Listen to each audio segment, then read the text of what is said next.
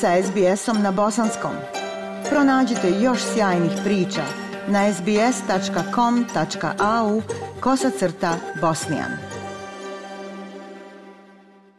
Aisha, lijep pozdrav tebi i slušateljima SBS radija. 25. januara Bosna i Hercegovina je dobila novu državnu vladu. Naime, Predstavnički dom Parlamentarne skupštine Bosne i Hercegovine je na hitnoj sjednici potvrdio odluku o imenovanju novog saziva Vijeća ministara Bosne i Hercegovine koju je dostavila predsjedavajuća Vijeća ministara Bosne i Hercegovine Borjana Krišto. Radi se o ministrima i njihovim zamjenicima nove državne koalicije koje učine stranke Osmorke, HDZ-a BiH i SNSD-a. Ovim imenovanjem SDA i DF su definitivno otišli u opoziciju. Za novi saziv Vijeća ministara Katara od prisutna 42 uh, poslanika za su glasala 23. Njih 19 je bilo protiv.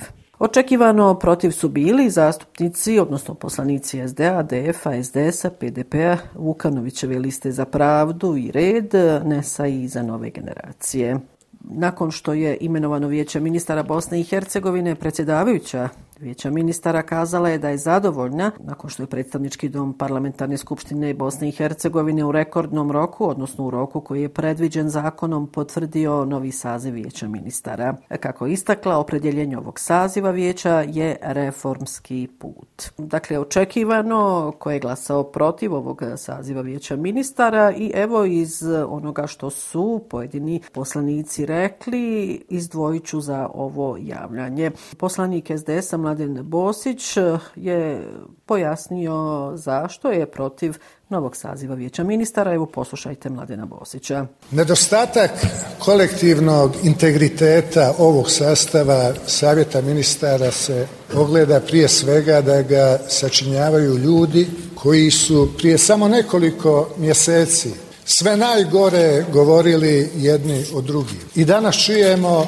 kako hvale na sva usta jedne druge. Poslanik SDA Safet Kešo je također bio protiv ovog saziva vijeća ministara i evo šta je rekao na ovoj hitnoj sjednici predstavničkog doma parlamentarne skupštine Bosne i Hercegovine. Oni koji glasaju danas za formiranje ovakve državne vlasti neće moći biti amnestirani od odgovornosti za neminovne posljedice koje će nastati degradiranjem, destrukcijom i fragmentacijom državne vlade na prosti izbir uzajamno nezavisnih ministarstava u kojima bi pojedini ministri bez ikakvih posljedica mogli provoditi samovolju pa čak i najštetnije antidržavne politike. Poslušajte i Zlatka Miletića iz stranke za nove generacije koji također bio protiv ovog saziva vijeća ministara. Znači ja ne verujem u te izvršene provjere s obzirom na činjenicu da jedan dio kandidata, bar po pitanju integriteta, moram reći da su ovako stanje u kojem se nalaze da je vrlo zabrinjavajući. Kod nas recimo nije problem kad jedan od kandidata za ministra koristi Sky aplikaciju. Većina je ipak odlučila da će u naredne četiri godine na čelu Ministarstva vanjskih poslova Bosne i Hercegovine biti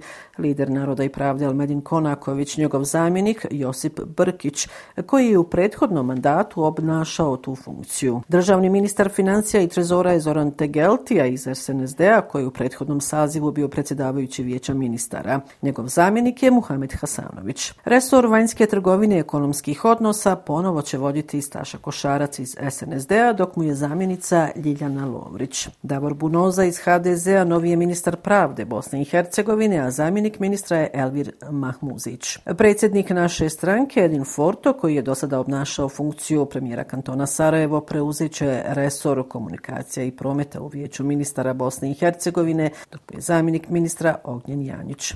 Dubravka Bošnjak iz HDZ-a je nova ministrica civilnih poslova, a Marijana Mojić zamjenica. Sevlit Hurtić iz BH Zeleni novi je ministar za ljudska prava i izbjeglice, dok će zamjenica ministra biti Duška Jurišić. Na čelo Ministarstva sigurnosti dolazi Nenad Nešić iz DNS-a, dok je Ivica Bošnjak zamjenik ministra sigurnosti i novi ministar odbrane je Zulkan Helez iz SDP-a, a njegova dva zamjenika su Aleksandar Goganović i Slaven Galić. Predstavnici Međunarodne zajednice u Bosni i Hercegovini su pozdravili formiranje novog saziva vijeća ministara. Prije svih e, delegacija Evropske unije u Bosni i Hercegovini sa ambasadorom Johanom Sattlerom. Između ostalog u saopćenju iz delegacije Evropske unije se navodi brzo formiranje vijeća ministara je ključni korak ka ostvarenju prijeko potrebnih reformi i napretka na putu ka Evropskoj uniji koji građani Bosne i Hercegovine očekuju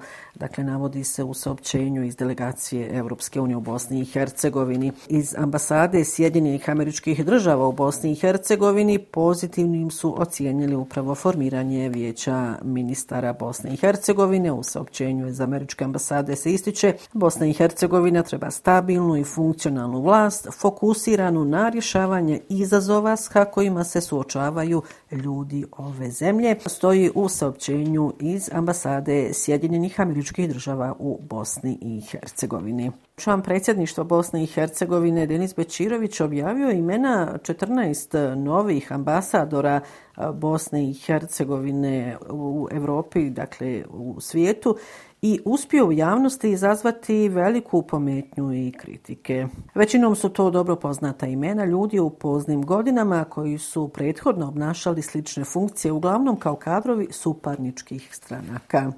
Tako, na primjer, Zlatko Lagumđija, bivši predsjednik SDP-a, bit će ili trebao bi biti novi ambasador Bosne i Hercegovine u Ujedinjenim narodima. Poznati novinar Ero Lavdović predložen je za novog ambasadora Bosne i Hercegovine u Belgiji. Član predsjedništva Naroda i pravde Haris Bašić predložen je za ambasadora u Vijeću Evrope. Iskusna a, diplomatkinja i bivša ambasadorica Bosne i Hercegovine u Japanu, Anesa Kundurović, predložena je za novu ambasadoricu u Danskoj. Elma Kovačević-Bajtal, bivša ambasadorica Bosne i Hercegovine u Norveškoj, predložena je za ambasadoricu u Crnoj Gori. Poznati diplomata Haris Hrle i bivši ambasador Bosne i Hercegovine u Sjedinjenim američkim državama predložen je za ambasadora u Indiji. Osman Topčagić, predsjednik Panevropske unije Bosne i Hercegovine te bivši ambasador naše zemlje u Ujedinjenom kraljevstvu i ambasador misije BiH pri Evropskoj uniji u Briselu, opet je predložen izabran za funkciju ambasadora Bosne i Hercegovine u Velikoj Britaniji. Poslanik naše stranke i političar poznat po često mijenjanju stranačkih dresova, Damir Arnaut, predložen je za novog ambasadora Bosne i Hercegovine u Njemačkoj. Konačnu odluku o novim ambasadorima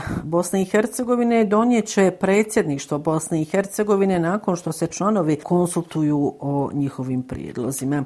Ipak, kontroverza oko imenovanja ambasadora nije samo stala na spornim imenima. Prema svemu sudeći, sa ovim imenovanjima nisu bili upoznati ni unutar same socijaldemokratske partije barem njenog većeg dijela. Tako se podpredsjednik ove stranke Vojin Mijatović javno ogradio od imenovanja Zlatka Logumđije, poručujući da je ta odluka katastrofalna. Inače, predsjednik SDP-a Bosne i Hercegovine Nermin Nikšić je kazao da nadležnost za imenovanje državnih ambasadora ima predsjedništvo, a pojasnio je da on, kao i većina građana, ima svoj sud u prijedlozima, ali želi naglasiti da je to nadležnost e, predsjedništva. Zanimljiv je stav i predsjednika Republike Srpske lidera SNSD-a Milorada Dodika, koji se oglasio na Twitteru. On je poručio kako SNSD neće podržati Zlatka Lagumđu i Damira Arnauta za ambasadore Bosne i Hercegovine, jer se, kako e, Dodik Dodik navodi na Twitteru, radi o ljudima koji dokazano rade protiv Republike Srpske. I još dvije informacije. Vijeće naroda Republike Srpske 24. januara je razmatralo odluku o zaštiti vitalnog nacionalnog interesa Bošnjaka u vezi sa neustavnim zakonom o nepokretnoj imovini Republike Srpske. Ovaj zahtjev nije dobio potrebnu većinu i sada se upućuje na zajedničku komisiju Narodne skupštine i Vijeća naroda Republike Srpske. U međuvremenu premijer Republike Republike Srpske Radovan Višković rekao je da ovaj zakon stupa na snagu i da očekuje da ga u praksi provode sve nadležne institucije. Federacija Bosne i Hercegovine je dobila budžet. Najprije predstavnički dom parlamenta federacije usvojio 26. januara prijedlog budžeta federacije u iznosu od 6,7 milijardi konvertibilnih maraka. Nakon toga, dakle dan nakon što je predstavnički dom usvojio prijedlog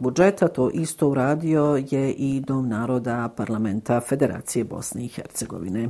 I eto, iša toliko ovoga puta iz glavnog grada Bosne i Hercegovine. Još jednom vam lijepe pozdrave iz Sarajeva šalje Semra Duranović-Koso. SBS na bosanskom. Podijelite naše priče preko Facebooka. Želite poslušati još ovakvih priča?